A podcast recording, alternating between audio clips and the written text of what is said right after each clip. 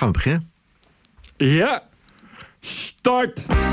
This is the TPO podcast. Beter laat dan nooit. De winter komt eraan. Vooral in de drie noordelijke provincies werd de treinenloop ongunstig beïnvloed door de voortdurende stuifsneeuw, die over lange trajecten de rails geheel onttrok aan de waarneming van de machinisten.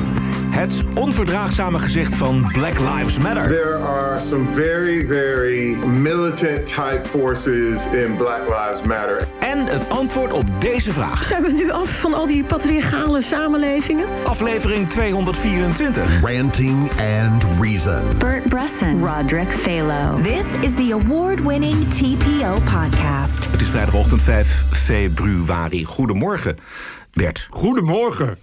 Het is weer een leuke dag vandaag. Dat moet nog maar blijken, Bert, want we En zijn vroeg. prachtig weer. Ik werd vanmorgen wel wakker met het nieuws dat George Kooijmans van de Golden Earring ernstig ziek is. En dat je dan geen diehard earring fan bent, dat doet dan eventjes niks af aan de schok. Want dit zijn dan van die mensen die er altijd geweest zijn. Ik ben twee keer in mijn leven naar een popconcert geweest. Eén keer naar de Rolling Stones in de Goffertpark in Nijmegen. En één keer naar de Golden Earring in het voetbalstadion van Wageningen. Oké. Dus. En wanneer dus- was dat? Nou, toen was ik een jaar of 17. Mhm. Dus. En was jij fan van de Golden Earring? Ah, fan. ja, ik ben nooit zo'n fan geweest, maar ik vind het wel eh, altijd was iets een goede band. Absoluut, zeker. Eh, Ja? Zeker voor eh, Nederlandse begrippen. is eh, meer dan een goede band. Ik bedoel, is volgens mij een van de weinige Nederlandse bands die ook echt internationaal serieuze sterrenstatus heeft bereikt. Zeker. Radar, Radar Love heeft aan, in de Amerikaanse hitparade gestaan. Dit bedoel ik. En The Lady Smiles volgens mij ook. Maar goed, aan alle levens komen een eind. Hij is 72. ja, nee, maar ik bedoel, het is, hoe ouder je wordt, hoe meer mensen afvallen. Het is een beetje een punt, en zeker uit onze generatie, eh Roderick, dat die mensen die, die toen wij eh, jong waren, eh, groot waren, die gaan nu allemaal bij bosjes dood. Weet je, dus dat is zo'n hele rits die dan ineens zo uitsterft. En Ja. dat is dus dit. En, en dat is, voor ons komen er geen nieuwe meer bij. Omdat ja, je, je groeit op met die mensen. En die gaan nu allemaal dood, want die zijn allemaal op 70 plus. Ja. Net zoals Coat en Bie er altijd geweest zijn. Die gaan ook een keer dood. Dat vind ik zo'n raar idee. Want dat zijn- daar, ik, daar ben ik echt een groot fan van geweest. Mijn hele leven. Nee, die gaan Wat, nooit dood. Nee? Nee, die gaan Ah, nooit dat is Nee, is eh, net als Harry Mulisch. Die is ook nooit dood gegaan. Dus Oh ja, eh, Kees van Koot en Wim de Bie sterven ook nooit. Goed. Laten we het dan eventjes hebben over iets wat jij niet gaat meemaken, maar wij wel. Namelijk Nederland bereidt zich voor op de komende winterdagen. In, in, in delen van Nederland zal het vanaf zondag komen tot gevoelstemperaturen van min 20 graden Celsius. En dit zijn alvast de nieuwsberichten van aanstaande zondag. Een ijzige noordoosterstorm heeft grote delen van ons land in enkele uren tijds veranderd in een poollandschap. Waarin de weggebruikers op vele plaatsen geconfronteerd werden met de vraag: hoe kom ik van deze koude kermis thuis? Ja, dat is een, eh, Fantastisch. Waar is dit van? dit is een gewoon polygoonjournaal. Hè. Dat is natuurlijk de, de, de stem van Philip Bloemendaal. maar eh, Oh, uit welke welk winter? jaar? Ja, dit is de winter van 1963. 63 was de aller, aller, allerstrengste winter van de vorige eeuw. Waddenzee, IJsselmeer, zelfs delen van de Noordzee waren dichtgevroren. Waddeneilanden eh, die werden bevoorraad door de lucht... omdat er ijsbrekers niet meer over de Waddenzee konden. Eh, extreem lange vorstperiode op sommige plaatsen... voor het drie maanden lang, iedere dag. De hel van 63. Ja. 79 is ook nog een eh, heel ernstig jaar geweest, wat winter betreft. Ik geloof dat het eh, s s'nachts min 8 wordt en overdag min 4. En dat is in deze tijden van opwarming natuurlijk al een echte strenge winter. Maar er gaat echt wel wat vallen. Er gaat wel eh, 30, 40 centimeter sneeuw vallen. Oh, je zult dan met de trein moeten in Nederland. Dan ben je mooi de Sjaak. Ja. Maar ja, waar moet je heen met een lockdown? Je hoeft nergens heen. Ja, je kan toch nergens. Je mag toch nergens zijn. Bovendien is het in het weekend. Dus eh, je kan lekker thuis gaan zitten. Heb je al wel ingeslagen? Nou, dat nog niet, maar het gaat niet alleen in het weekend. Het gaat de hele week door, hè? Dus echt maandag, Oh ja? dinsdag, woensdag, donderdag, vrijdag. Ja. Jezus. Ja, man. RTL-weerman. Excuses voor het muziekje. Het wordt in ieder geval heel koud. Temperaturen die gaan eigenlijk vanaf zaterdag alleen maar naar beneden. En volgende week ja, overdag temperaturen van min 5 graden. In de nachten uh, strenge tot zeer strenge vorst. En kans op een heuse koude golf. Zondag een flink pak sneeuw, 10 tot 30 centimeter. Daarbij ook nog flinke sneeuwduinen die gevormd kunnen worden in het noorden. Dus ik denk dat autoverkeer uh, misschien er niet eens doorheen komt. Sneeuwduinen! Sneeuwduinen! Wat een horror! Ja, oei, oei, oei. Ik ben blij ja. dat ik hier woon. Goed zo. Uh, laten we het hebben eventjes over het vaccineren. Want vandaag bespreekt het Outbreak Management Team op verzoek van het kabinet hoe het nu verder moet met de avondklok en de rest van de maatregelen. En daar horen we dan dinsdag wat over, midden in de winter. um, en wij willen, net als NOS-verslaggever Xander van der Wulp, ook wel eens iets liefs zeggen over minister Hugo de Jonge. Maar daar moet er wel een aanleiding toe zijn. En deze week stond er een lange rij, lange rijen van uh, 80 en 90-plussers buiten te wachten voor hun coronaprik. In de kou. In de kou. NRC-verslaggever Petra de Koning die twitterde gisteren... aan het eind van de middag met twee hoogbejaarden... naar de vaccinatiestraat GGD Schiphol. Het regende, er stonden ook mensen buiten, allemaal 85-plussers. Eén vrouw ging onderuit. Ze werd opgehaald door een ambulance. En zo was het ook in Den Bosch. En zo was het in Den Helder. Want de oudjes in Den Helder moeten naar Alkmaar. En zo was het ook in Veghel. Volgens mij vooral Noord-Holland en, en Noord-Brabant. Ja. ja. En ik geloof dat de oudere mensen wel allemaal vroeg waren, weet je wel. Die bellen dan hun zoons en dochters ja. en zeggen: we moeten vroeg gaan. Maar dan kun je toch als GGD op zijn minst die mensen naar binnen halen. Ja, hou op. Ik las het ook gisteren en, en de tranen springen in de ogen als je het ook leest. Als je het, het amateurisme. Als je die foto's en denkt van je kan toch gewoon iets regelen dat je die mensen binnen laat wachten. Ja. Weet je, maar ook dat die GGD is dan een, een ICT-storing. Nou, ze hadden ze maar niet vroeg, te vroeg moeten komen. Hadden ze maar eh, een beetje. Oh, ja, maar echt. Maar dan ja. hadden ze maar rekening moeten houden met het ICT-systeem van de GGD. Ja. En er zijn ook mensen, de ouderen, die gewoon thuis gevaccineerd kunnen worden. Dat schijnt dan te kunnen, maar dat is dan ook al best wel ingewikkeld. Nou ja, het is wat ik al zei. Weet je, we willen best Hugo de Jonge een pluim geven voor de aanpak. Maar dat, uh, daar is voorlopig nog helemaal geen aanleiding toe. Um, wat vinden we daar eigenlijk van? Dat, dat, dat zo'n NOS-verslaggever dan opkomt in het programma op één. Uh, voor Hugo de Jonge, dat hij zegt. Wat deed hij dat? Nou ja, hij zei dat hij het eigenlijk heel oneerlijk vond dat Hugo de Jonge, dat, dat alle pijlen op Hugo de Jonge staan. Ja. En ik begrijp best de nuance, want je kunt Rutte ook van alles verwijten en heel veel andere mensen ook nog wat. Maar dit is natuurlijk wel de verantwoordelijk minister. Ja, wie is nou de minister? Ja, precies. Wat, ja. Uh, en dit is, zo gaan beginnen. Exact. Dus dit is precies wat Pieter Omtzigt zei van de Haagse kliek. Weet je, de Haagse kliek is dat parlementaire verslaggevers te dik of te, te dik met politici zijn. Het zijn vrienden eigenlijk. Het zijn kennissen, op zijn minst. Ja, en dan ontstaat er altijd... dit soort empathie voor een, een verantwoordelijk minister die het voor zijn kiezen krijgt, terecht. Ja, maar ik snap die empathie gewoon nooit. Ik vind altijd, als je, als je uh, politiek verslag hebt... zo politiek verslag hebt, kun je gewoon niet kritisch genoeg zijn. Die politie zijn niet je vrienden. Weet je, dat is niet... Nee. Dat, de, en dit is de, dit is de minister is verantwoordelijk. Er is niemand, ja, de, de, premier, maar goed, de minister is de minister. Dus die, je kan niet anders volgens mij dan daar je pijlen op richten. Dat is ook de bedoeling. Daarom hebben we ook gezegd: weet je wat, we maken ministers verantwoordelijk voor een proces. Ja, ja. Zodat je daar je pijlen op kan richten. Ja. Hij is minister en hij is Hugo de Jonge. Maar we hebben het niet over Hugo de Jonge, we hebben het over de minister Hugo de Jonge. Exact. Ja. Dus dan moet je niet. Wat heeft het nou met empathie te maken? Ik snap, als hij je buurman is, dan snap ik dat je, uh, dat je hem empathisch moet behandelen. Uh, maar dit gaat puur over het beleid. Ja, daar kun je toch niet, niet ineens empathisch gaan zitten doen? Ja. Over het beleid gesproken, volgens het vaccinatiedashboard zijn er inmiddels een half miljoen mensen geprikt in Nederland. Dat is 2,6 procent van de inwoners. En daarmee staan we binnen de Europese Unie niet helemaal onderaan meer. Goh. En we komen dus nu in de buurt van landen als Oostenrijk en Frankrijk. En welke is dit de juiste rekenmethode? Dit is even de rekenmethode ja, waar we het mee moeten doen, zullen we maar zeggen, Bert. Ja, maar het is grappig hè, hoe succesvol de, e de EU nu toch weer is. Maar goed, we hebben in de EU wel een verbod op plastic rietjes. En dat is ook wat waard. This is the TPO podcast. Het geweld tegen homo's blijft onverminderd hoog. Ik las dat eh, het COC heeft becijferd dat afgelopen jaar ruim 2000 meldingen uh, zijn geweest ehm, van geweld tegen homo's. En die hebben geleid tot 10 veroordelingen. Dus dat gaat lekker. maar goed, het is verkiezingstijd en de politiek belooft beterschap. Iedereen in Nederland moet zichzelf kunnen zijn. We zijn van oudsher een land waarin we iedereen de ruimte geven om in vrijheid te kunnen leven. En waar we een ieder beschermen voor wie die vrijheid niet vanzelfsprekend is.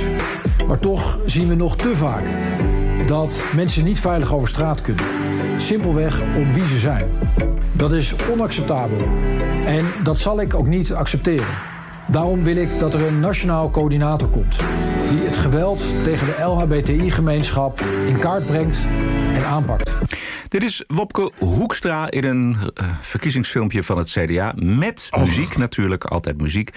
Kijk, uh, we hebben het er vaak over gehad. Het probleem van uh, geweld tegen homo's en anderen kennen we al ruim 20 jaar. We waren op de goede weg in de jaren 70 en 80, maar dat is allemaal veranderd. Um, we kennen ook volgens mij de meeste daders, de dadersprofielen. Ik zou zeggen, hard aanpakken die gasten, zwaarder straffen, maar niet weer een nationaal coördinator die de boel in kaart moet gaan brengen. Ik vind een nationaal coördinator nog wat, uh, wat minnetjes. Ik zou uh, graag ook wat buurtregisseurs, ketenmariniers... En vlaggen. Buurtvaders. Veel, veel, veel, veel regenboogvlaggen. Regenboogvlaggen. Ja. Oh, en regenboogzebrapaden. Want dat is ja. natuurlijk het punt. De reden dat er zoveel geweld is tegen homo's... is omdat er nog niet in elke stad een regenboogzebrapad ja, ligt. Ja, wij noemen dat omdat in Amsterdam-Oost, hier in de hoofdstad... Uh, een stadsdeelvoorzitter dat soort zaken opperde nadat ja. er weer een homostel in elkaar was geslagen. Uh, wij worden er een beetje moe van. Van de politiek en van de mensen die nu weer met dit soort zaken komen als een nationaal coördinator die de boel in kaart moet brengen. Het is gewoon duidelijk waar het vandaan komt. Je hoeft het niet in kaart te brengen. Je moet gewoon er vol voor gaan. De politie moet die gast gewoon arresteren. En de straffen moeten snoei en snoeien hard en hoog zijn. Misschien moet er een, ik ga ik een partij oprichten. De Partij voor Hardere Straffen. Nou, dat, uh, je kan nog een hoop zetels halen, vrees ik. Ja, precies, ja, vrees ik ook. Ik zou de nationaal coördinator gewoon als eerste opdragen... om uh, elke vrijdag in elke moskee iemand mee te laten gaan... en uh, homotolerantie te prediken. Dat zou al een mooi begin zijn. Ja, dat zou een mooi begin zijn, ja. Ja, wil overigens niet zeggen dat het alleen daar vandaan komt. Het komen echt de meest verschrikkelijke boeren uit Nederland. Die Zeker. Het, bedoel, het is, wat dat betreft is het een eh, gemêleerd gezelschap. Maar zeker ook de opvoeding van eh, nogal wat eh, jeugdigen uit die cultuur. Die kunnen er wat van. Het zijn er diverse culturen die je dus inderdaad gewoon kunt benoemen. En ik begrijp dan, en als je die benoemt, kun je daar ook wat mee doen. Uh, dan moet je ze wel op cultuur profileren. Dat hoeft dan niet etnisch te zijn. Dus geen probleem. Je kan gewoon zeggen cultureel profileren. Dat is, als het andersom gebeurt in het kader van inclusiviteit, nooit een probleem. Dus het lijkt me dat dat nu ook geen probleem moet zijn. En dan kun je gewoon daar wat aan doen. Heb je helemaal geen nationaal coördinator voor nodig. Bovendien kun je je afvragen hoeveel nationaal coördinatoren je eigenlijk in een natie kunt hebben. Niet waar? Nog even. En je hebt een nationaal coördinator nodig om alle nationale coördinatoren ja. te coördineren. Juist, dat is een mooie. Ga naar de Wookweek toe. I was offended and I have rights. TPO Podcast. You're an adult. Grow up. Deal with it. I don't care. care. In de Wookweek kijken we naar mensen, bedrijven, instanties die zich een slag in de ronde deugen of uh, op de knieën capituleren voor de terreur van de identiteitsideologie. Het gaat fantastisch met het gendervrije kaartspel van de 23-jarige Indy Mellink uit Voorburg. Weet u nog? In veel kaartspellen is het zo dat de heer is meer waard dan de vrouw. Je wint vaker potjes ermee. In poker win je meer geld met de heer. En ja, daar wilde ik van wegstappen. Ik dacht, dit kan niet meer in deze huidige maatschappij. Ik hoor vaak van, uh, oh, ga eens wat beters doen. Dit is toch zo'n klein probleem. Um, en dan zeg ik vaak van, ja, het is ook een klein probleem. Daarom heb ik ook een kleine oplossing. Een alternatief kaartspel voor mensen die dat willen. Wij moeten Indy Mellink van harte feliciteren, want ze verdient meer dan wij met z'n twee bij elkaar. Want ze verkoopt inmiddels duizenden kaartspelen per week. Er is vraag uit Hongarije, uit Engeland, uit Zweden, uit Italië, uit Australië. Haar webshop explodeert. Ja, ik ben uh, oprecht heel blij voor haar. Ik vind het heel goed als jonge mensen ondernemen en daar ook succesvol ja, in zijn. Zeker. Het is alleen wel een beetje zorgwekkend. dat dit soort dingen zo goed lopen. Je gaat je toch afvragen of uh, de wokgekte niet gewoon al uh, een serieuze ziekte aan het worden is. Internationaal. Ja, het is in ieder geval een mondiale aandoening. Ja, het was niet haar bedoeling natuurlijk om, om rijk te worden op deze manier. Maar het is wel weer een origineel idee, wat je er ook verder van vindt. En daar komt dan RTL, uh, Editie NL heeft daar toen aandacht aan besteed. En vervolgens ja. verspreidt het zich als een olievlek over de hele wereld. En komen ja. er dus verzoeken. Ja, je kunt ook gewoon geld verdienen aan de woke-hysterie natuurlijk. Ja, dit vind ik, dat, dat vind ik dus heel slim. Ja, dan toch, ik zou en dat, als ik haar was, zou ik het allemaal zoveel mogelijk leeg trekken en mijn zakken ermee vullen. Ja. De, als het er toch is, dan kun je nog maar beter, uh, nog maar beter baat hebben bij die hele wookgekte. Precies. En er zijn vast meer spellen waar je dit soort zaken kunt uh, veranderen. Dus uh, wat dat betreft ligt er nog een geweldige toekomst voor haar klaar. Iemand mailt, je hebt Zwift met een Z, ZWIFT. Dat is een softwarepakket. Uh, dat is voor uh, fietsers en hardlopers. Dan kun je indoor trainingen met elkaar vergelijken. Je kent het allemaal wel. En uh, je routes laten zien. Uh, daar zijn ze ook helemaal woke gegaan. Daar hebben, hebben ze het Black Cyclist Network. En dat wordt er nu uh, extra gepusht. Dus mensen die krijgen ongevraagd mailtjes over de Black Celebration Series. Oh. It's all about supporting our black community. Het heeft te maken met februari. Want februari is de, is de maand van Black History in Amerika. Ah, Ah, kijk, dat daar is heeft het mee dus. te maken, ja. Dus, dus de, Oh. daar, en daar wordt gewoon net als kerst en, en oud en nieuw en, en Pasen en Pinkster en zo, wordt daar gewoon, eh, is dat gewoon marketing. Dus er moet gewoon geld verdiend Jezus. worden. Ja, Maar is dat elk jaar zo? dat is ieder jaar zo. Meen je niet? Ja. Black History Maand. Ja, Black History Maand.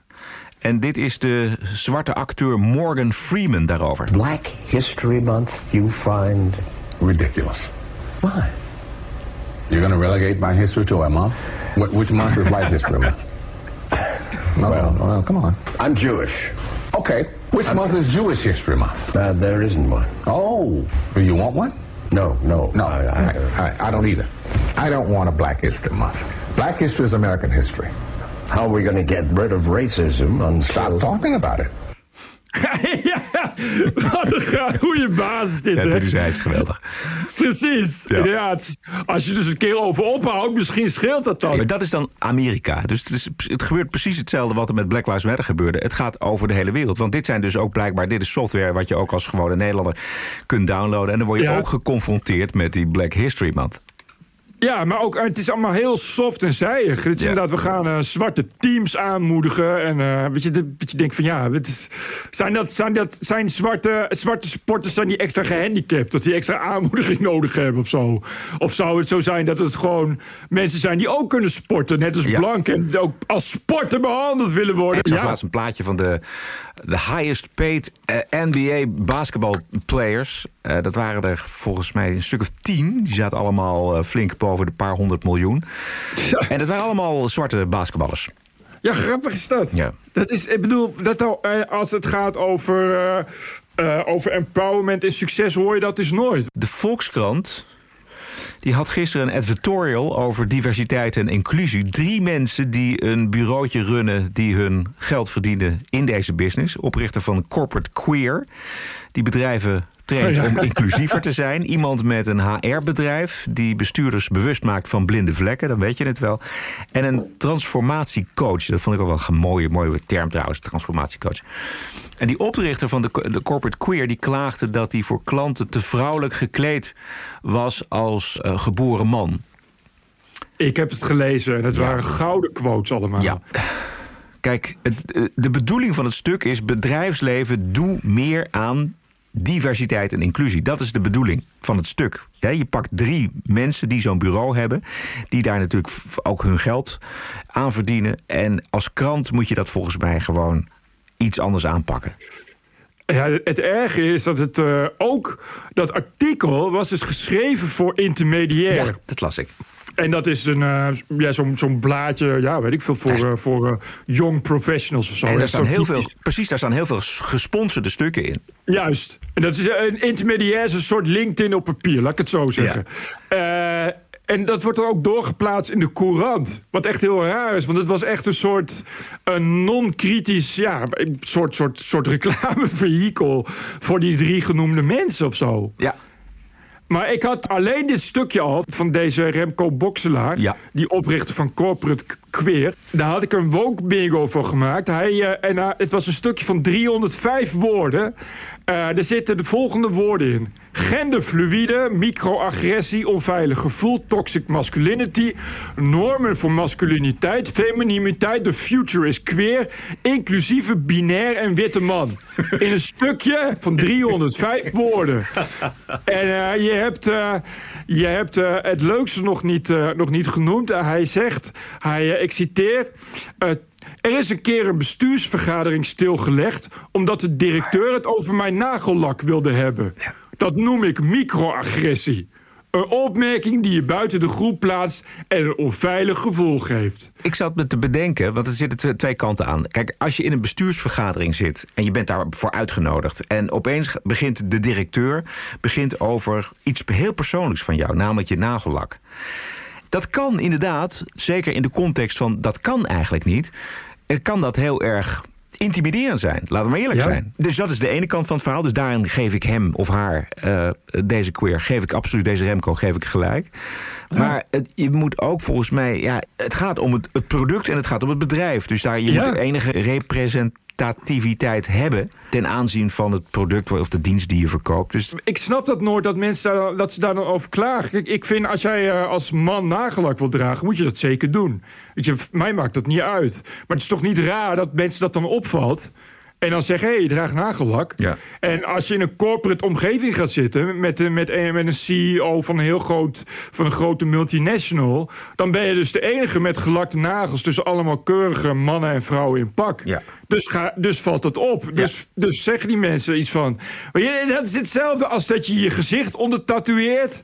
en dat je dan gaat solliciteren voor een baan in de horeca. Maar het probleem is met deze Remco dat hij zegt dat het zijn identiteit is. En dat is natuurlijk dat altijd dat probleem met identiteiten. Hij ontleent zijn identiteit aan zijn genderfluïde. En hij, Ja. hij is, denkt dat zijn gelakte nagels horen bij zijn identiteit. En een identiteit mag je niet aanpakken. Nou, oké, maar dan moet je niet tussen in een omgeving gaan zitten met andere identiteiten. Mag wel. En je mag er voor mij ook wel proberen dat te veranderen. Maar ga dan niet klagen dat het microagressie is, want dat is het niet. Het is, het is, ja, nou ja, ik, ik- maar het is toch raar. Ik vind dat raar. Dat als ik buiten naakt ga lopen, dan zeggen mensen daar toch ook wat van. Dan kan ik wel roepen, ja, naakt is mijn identiteit. Oké, Ja, je kan toch niet verwachten dat mensen daar dan niks van vinden of zo? Nee, maar dat is natuurlijk, daar gaat het die hele woke cultuur om. Dat dat allemaal ja, moet kunnen en moet eh, ge- gerespecteerd worden en afgedwongen vooral. De, Nieuwsbv op Radio 1 maakte gisteren een einde aan alle kletsverhalen over oude witte mannen met macht. Toxic masculinity, dat is dus giftige mannelijkheid. Kortom, het patriarchaat. Het is afgelopen, Bert. Het verlossende woord komt van een onderzoeker die heet Karel van Schaik. En hij geeft antwoord op deze vraag. Zijn we nu af van al die patriarchale samenlevingen? Eigenlijk moet je zeggen dat in Noordwest-Europa is de race bijna gelopen. Maar dat wil niet zeggen dat in heel veel andere landen van de wereld er nog heel veel te doen is. Overal in de wereld moet nog flink de bijl in het patriarchaat. Maar in Noordwest-Europa, hier dus, is de race eigenlijk al gelopen. Dat zegt hij. Dus klaar, einde discussie. Mannen en vrouwen, we zijn allemaal gelijk aan het werk. Dat zegt hij dan toch? Ja, dat zegt Dat hij. is, dus, het, dat is dus heel mooi. Dus kunnen we eindelijk ophouden met het, met het inclusiviteitsgelul... en ophouden met die quota. In ieder geval. Heel goed. Ja, heel goed dat we nu zover zijn. Ja. Nog één dingetje uit Amerika had ik. Het is, echt wel te merken dat eh, Joe Biden het roer heeft overgenomen van Donald Trump. Het ministerie van Justitie die heeft de rechtszaak ingetrokken tegen de Yale Universiteit. Of er federale burgerrechten geschonden zijn door eh, blanke en Aziatische studenten te discrimineren. Want er wordt op Yale niet langer geselecteerd op talent en kunnen, maar op huidskleur, zoals u weet, speelt in toenemende mate een belangrijke rol. En een groep Aziatische Amerikaanse organisaties die, die heeft, eh, of die had een rechtszaak aangespannen. En onder Trump ondersteunde het ministerie van Justitie de zaak. Maar onder Biden ziet het ministerie nu af van de rechtszaak. Dus discrimineren mag Op Yale. Ja, want blanke discrimineren is natuurlijk, uh, is natuurlijk uh, wel goed. Dat uh, gelijkheid gaat maar één richting op, nietwaar? Ja, je wilt uiteindelijk een uitkomst waarin evenveel zwarte als blanke als Aziatische studenten studeren aan Yale. Ja, dan moet je daar iets voor doen. Dus dan moet je mensen die bijvoorbeeld heel goed zijn, maar ze, hun huidskleur niet mee hebben, moet je dan afwijzen ten gunste van andere mensen. Ja. Die mensen van Biden en de Democraten noemen dit natuurlijk gewoon uh, ja, empowerment en affirmative action en dat soort gelul. Ja. Terwijl het gewoon discriminatie is. Het is gewoon racisme. Het is gewoon blank ja. tegenover zwart. Het is gewoon apartheid. Ja. Maar goed, uh, het is toch nog steeds een rechtsstaat gelukkig. Dus ik hoop dat ze alsnog uh, iets kunnen gaan vinden om, om, om dit inderdaad aan te klagen. En terecht.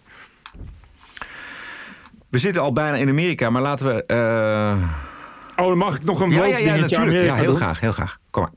Uh, uh, er is iemand die heet Katja Günther. Uh, die klinkt heel Duits, maar dat Nogal. is niet. Die heeft een boek geschreven. Dat heet The Lives and Deaths of Shelter Animals. En dat gaat over dus, dieren in, in asiels. Je denkt, oh, leuk boek. Is het ook. Alleen, het gaat erom dat dieren afmaken in dierenasiels... is white privilege en racisme. Oh? Ja, ja, want alleen rijke witte mensen hebben het privilege om hun hond in het asiel te kunnen doen en hem daar te laten inslapen. Oh. Uh, en nu krijg je dus directeuren van hondenasiel en dierenasielen die zeggen van ja, ze heeft gelijk. Racisme en klassicisme en het kastensysteem staan aan de basis van het gebroken systeem van dierenopvang. oh Bert, ik, hoe, krijg ik, hoe krijgen we dat geprocessed in ons hoofd? Hoe, hoe gaan we uh, ja, dat, uh... ik, ik probeer dit. Ik zit het nu even voor het eerst te lezen, maar het is weer ongelooflijk wat er staat. Dan uh, zou ik iedereen willen oproepen en, en, nog even hartelijk willen bedanken. Ik zou in eerste instantie even alle mensen willen bedanken die uh, hebben gedoneerd voor Julian, voor, de, voor zijn, zijn videokaart. Uh, Juist. Er is hartstikke mooi geld binnengekomen. Vinden we fantastisch. Wilt u de TPO-podcast op allerlei andere manieren financieel steunen, dan zeer graag. Ga naar tpo.nl slash podcast. En we hebben er ook nog een spotje voor gemaakt. Dit is de TPO-podcast. Een eigenzinnige kijk op het nieuws en de nieuwsmedia. Elke dinsdag en elke vrijdag. Twee keer per week. Het hele jaar door. Zonder reclame en zonder een cent subsidie. 100% onafhankelijk. The award-winning TPO podcast. Wat is het jou waard? Kies een euro per aflevering, 104 euro per jaar... of kies zelf een bedrag. De TPO-podcast. Wat is het je waard? Mee en doneer op tpo.nl slash podcast. En wil je donatie toelichten? Dat kan via tpo.nl. Via, dat kan via, ik ben helemaal uh, de weg kwijt. Uh, wil je je uh, donatie toelichten? Dat kan via het e-mailadres info.tpo.nl. We gaan naar Amerika. TPO Podcast. Ladies and gentlemen, the president-elect of the United States. This is CNN breaking news. We have never, ever, ever, ever failed in America. It's an incredible way of putting it. Telling the truth matters. It's an incredible way of putting it. This is a Russian intelligence disinformation campaign. Why isn't Joe Biden angrier about all of this? How stupid can you be? This is a classic example of the right wing media machine. Sure. You know the facts well. Go ahead. Interessante uitkomsten, Bert, van een opiniepeiling over de populariteit van Trump onder zijn electoraat. Belangrijk voor de steun om uh, Trump in het congres veroordeeld te krijgen. En de vergelijking is steeds een peiling van 22 uh, tot 25 januari ten opzichte van een peiling vlak na de bestorming van het congres, namelijk 6 en 7 januari. En als Trump een eigen partij zou oprichten. En hij heeft daarop gezinspeeld, namelijk de Patriot Party. Ja. Dan zou 30 tot 35 procent van de Trump-stemmers met hem meegaan. Hm. Maar een andere poll zag ik vanmorgen van Hill Herricks, heet dat. Die laat zien dat maar liefst 64 procent van de Republikeinen mee zouden gaan naar een nieuwe Trump-partij. Kortom, de rol van Trump is nog lang niet uitgespeeld. Nou, oké. Okay. De hamvraag is: neemt de Republikeinse Partij afscheid van Trump, ja of nee? Nee, precies. En, en volgens mij is tot op dit moment het antwoord nee. Nee, dat, tot op dit moment is het antwoord nee, inderdaad. Ja, ik kan me echt niet voorstellen dat ze dat niet gaan doen. ik bedoel, ik kan me gewoon niet voorstellen dat ze over vier jaar nog steeds zeggen: laten we Trump weer erbij halen. Kijk, we hebben tekort aan kennis uh, op dit vlak. Ik bedoel, ik weet echt niet hoe alle Republikeinen erin zitten. Maar ik kan me dat toch gewoon niet voorstellen. Nee. Ik kreeg een mooi stuk video opgestuurd van onze man in uh, New York, Kees. Ja. En in die video zien we een aantal bekende Amerikanen die het eens zijn met de prominente zwarte econoom en auteur Thomas Sowell. Uh, zijn stelling is van die Sowell is dat de achterstand of de voorsprong die mensen hebben niet het gevolg is van hun huidskleur, maar van hun cultuur. Nou ja, waar we het eerder over hebben, hebben gehad. Juist. Komt-ie. Thomas Sowell. Are you saying that a, in a culturally pluralistic society such as America, are you saying that the variable in success or lack of success is the culture of the particular group? Yes, that's exactly what I'm saying. And I'm saying it not only for the United States, but in terms of the studies of various other countries around the world, the same thing seems to be true. You not only find uh, the same group having the same characteristics in country after the country. That is, the Germans produced uh, the first pianos in Australia. They created the piano industry in the United States. They built the first pianos in England. They built the first pianos in Russia. Uh, you look at the Chinese, what they major in and in Malaysia in college is what they major in in the United States in college. Namely science and Science and technology, heavily. Uh, and this follows the group around the world. So the notion that the group is a creature of society, that society has shaped the, the group, uh, just will not stand up to the fact. Dit is dus een zwarte econoom, Thomas Sowell. En uh, wat hij zegt staat haaks op het verhaal dat zwarte mensen achtergesteld zijn vanwege hun huidskleur. En dat blanke mensen ja, een voorsprong precies. hebben dankzij hun white privilege. En daarom is deze Thomas Sowell zo interessant in deze tijd. Ja, dat hij dat durft. Ja, hij, hij is een libertariër. Hij zegt dit al eigenlijk zijn hele leven lang. Uh, hij is in de minderheid en hij leeft nog steeds en hij vertelt zijn verhaal nog steeds. Uh, en ik vind het, ik vind het super, super interessant. En uh, in ja. die video zien we ook een aantal mensen die het met hem eens zijn. Waaronder Denzel Washington. De, Ah. beroemde, de beroemde acteur. For black people in particular, do you think that we can truly make change as things are right now? Well, it starts in the home. You know, if the father's not in the home, the boy will find the father in the streets. Yeah. I saw it in my generation and every generation before me and, and everyone since. It starts in the home. Het begint thuis. En als we het hebben over cultuur, dan hebben we het niet over zwarte cultuur of over blanke cultuur. Maar we hebben het over cultuur waarin mensen opgroeien. Precies. Uh, los van de huidskleur. Die Denzel Washington, jongen, die is zo cool. Uh. Geen BLM shit voor hem. I was in Chicago a couple of three, four weeks ago. And we saw these little kids on bikes with masks on the side of their head. Like five or six of them. And the driver said, Yeah, they're little yummies. I said, Who?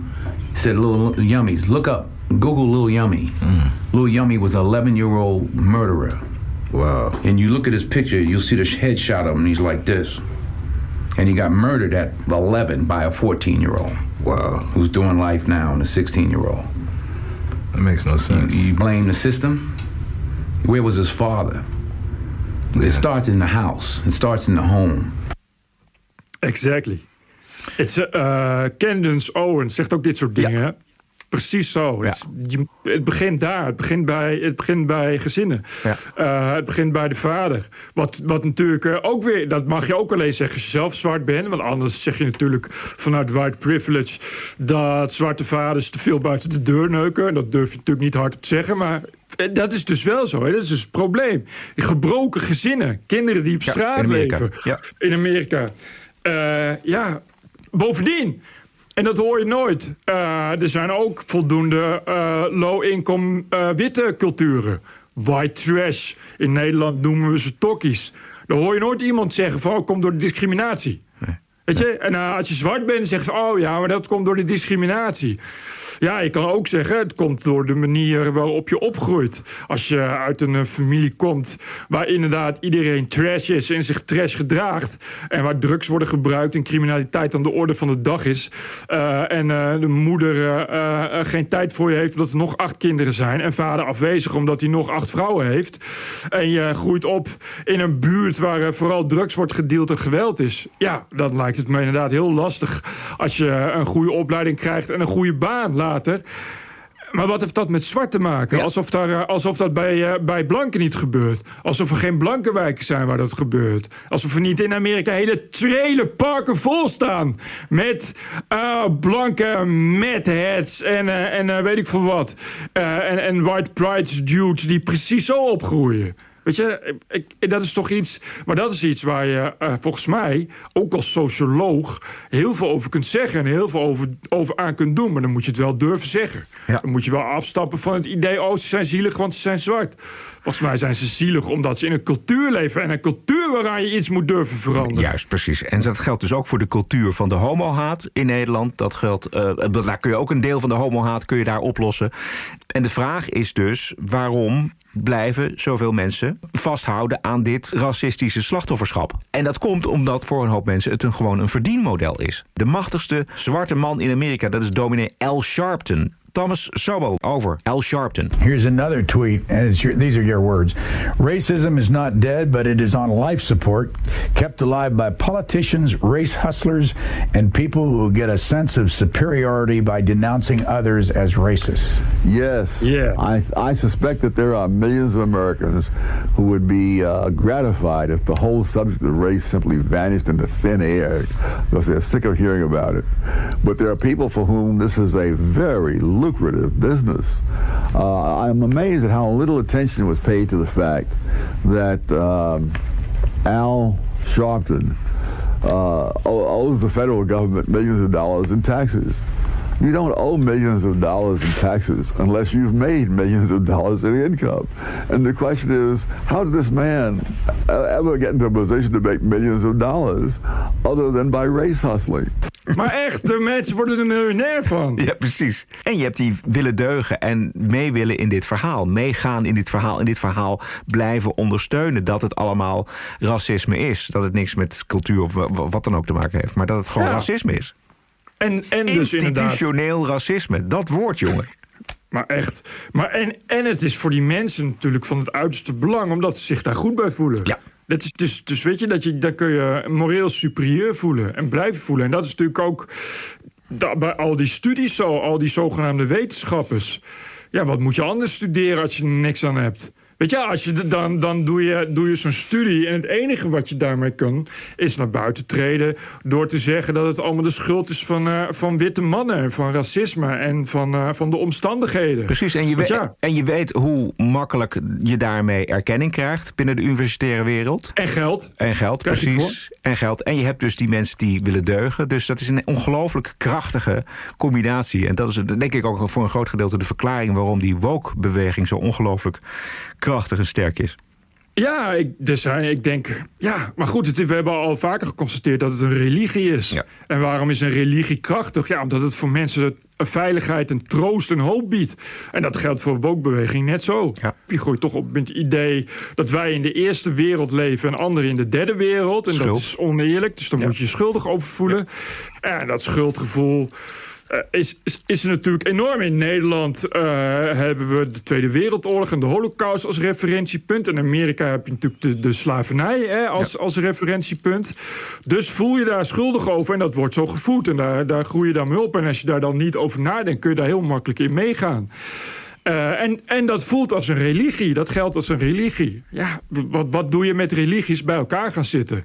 En elkaar vertellen waar jij hoop uit hebt geput. Ja, dat is precies wat die mensen doen. Exact. En het verklaart ook, als je er tegen ingaat... waarom die reacties zo heftig zijn... en waarom het voor een hoop mensen zo eng is om er tegen in te gaan. Ik bedoel, deze Sowell, deze Thomas Sowell... dat is, ja, dat is natuurlijk een, een belezen man... en die is al op leeftijd... en die, is, die heeft die overtuiging, die straalt die aan, aan alle kanten uit. Dus die, die laat zich niet ja. omblazen door de woke-beweging. Maar je hebt ook mensen die uh, ja, daarvoor terugschrikken. Um, ik zag op, op CNN zag ik een gesprek met Terry Crews. En dat is een Amerikaanse acteur die kritiek heeft op Black Lives Matter. Het laat het Nobelprijscomité het niet horen. There are oh. some very, very militant type forces in Black Lives Matter. And when you have the leaders of the Black Lives movement who are now talking about, you know, if we don't get our demands, we're going to burn it down. Uh, other black people who are talking about working with other whites and other uh, other races. They're, they're being viewed as sellouts or called Uncle Toms. You're actually being controlled. Someone wants to control the narrative. And I viewed it as a very, very dangerous self righteousness that was developing that you know, that, that really viewed themselves as better. It was a, almost a supremacist move. Terry Crews. Exact. Beter dan anderen. Het beter voelen. Maar dat is uiteindelijk waar het altijd om draait, toch? Uh, in, in the end is, is eigenlijk dat voor heel veel dingen een drijfveer. Dus ook voor religies. Dus ook voor uh, uh, woke mensen je beter voelen aan Ja. het einde van de dag. Naar bed gaan en het idee hebben dat je, dat je goed hebt gedaan. Exact, dat je aan de goede kant van de geschiedenis staat. Dat je aan de goede kant staat, ja. We zijn er nog lang niet over uitgesproken. Eh, volgende keer. Ik heb alleen nog een bonusquote, Bert. Hit it. This is the TPO podcast. En die bonusquote die komt van de nieuwe woordvoerder van het Witte Huis. eh, van de Biden-administratie dus. Zij heet Jen Psaki. Jen Psaki. En zij beantwoordt vragen van journalisten in eh, het welbekende zaaltje wat we kennen natuurlijk. En zij had een toch wel vreemde boodschap voor het land. Luister. It's not just a vaccine, it's obviously an incredible medical breakthrough, um, and we want every American to have one. Een ongelooflijk medische doorbraak. En we willen dat elke Amerikaan het vaccin krijgt. Maar we horen ook een maar. We horen maar.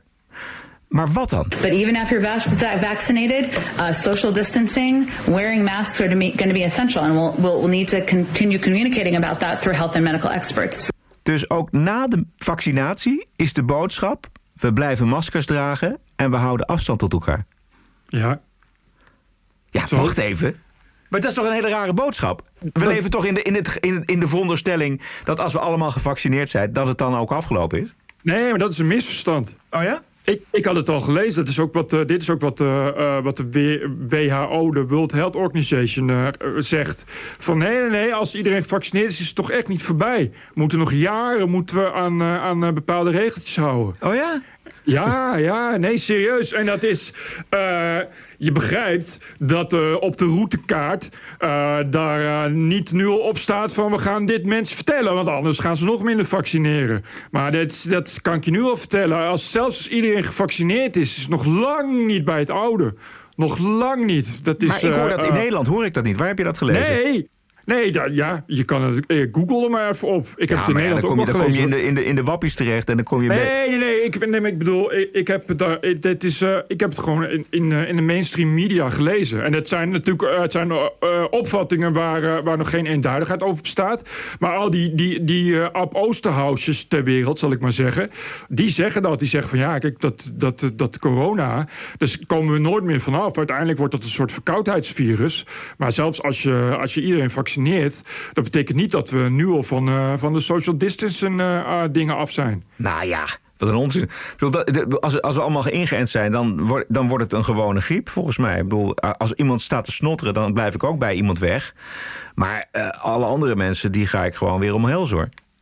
Ja, nee, dat is, eh, dat is wat jij gaat doen. Maar dat is niet wat, eh, wat eh, de experts gaan zeggen. En dat is wat je nu dus terug hoort in deze, deze mevrouw. Wie is dit eigenlijk? Dit is de woordvoerder van het Witte Huis. Dat is die mevrouw Ja, met, het, met het rode haar, Jen. Oké, ik, ken, ik ken haar naam nog niet. Nee, maar dit is- de, nieuw. de, nieuwe, de nieuwe, zeg Dit is, maar. de nieuwe, dit, is, dit is gewoon de woordvoerder van Joe Biden.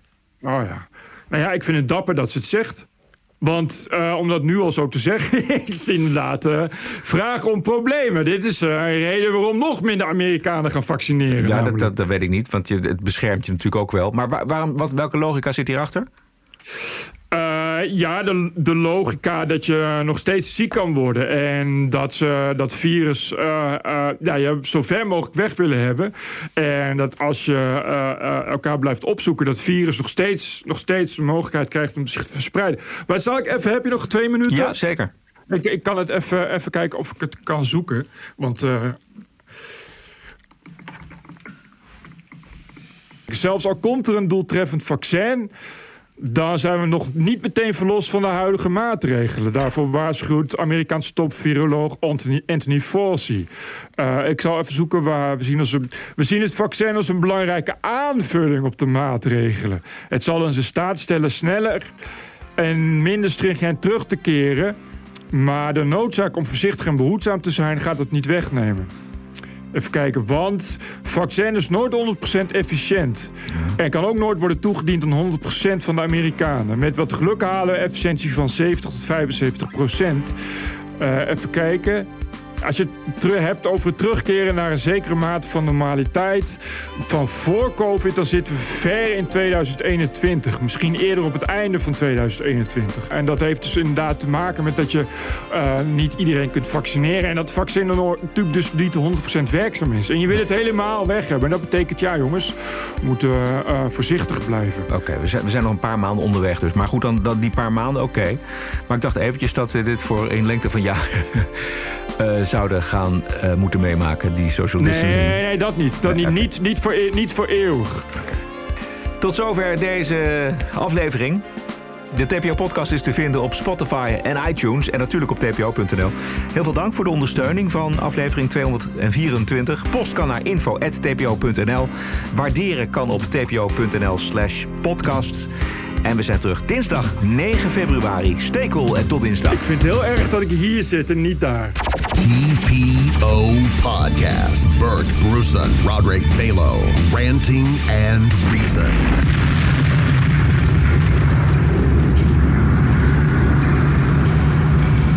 So when it comes to the kids, if you're able to tap into a young mind, teach you how to believe in itself, focus, work hard, inspire it, motivate it, then guess what? They're able to grow and make educated decisions. Podcasting is the TPO podcast in the Netherlands. Bert and Roderick. What a show. I'm telling you.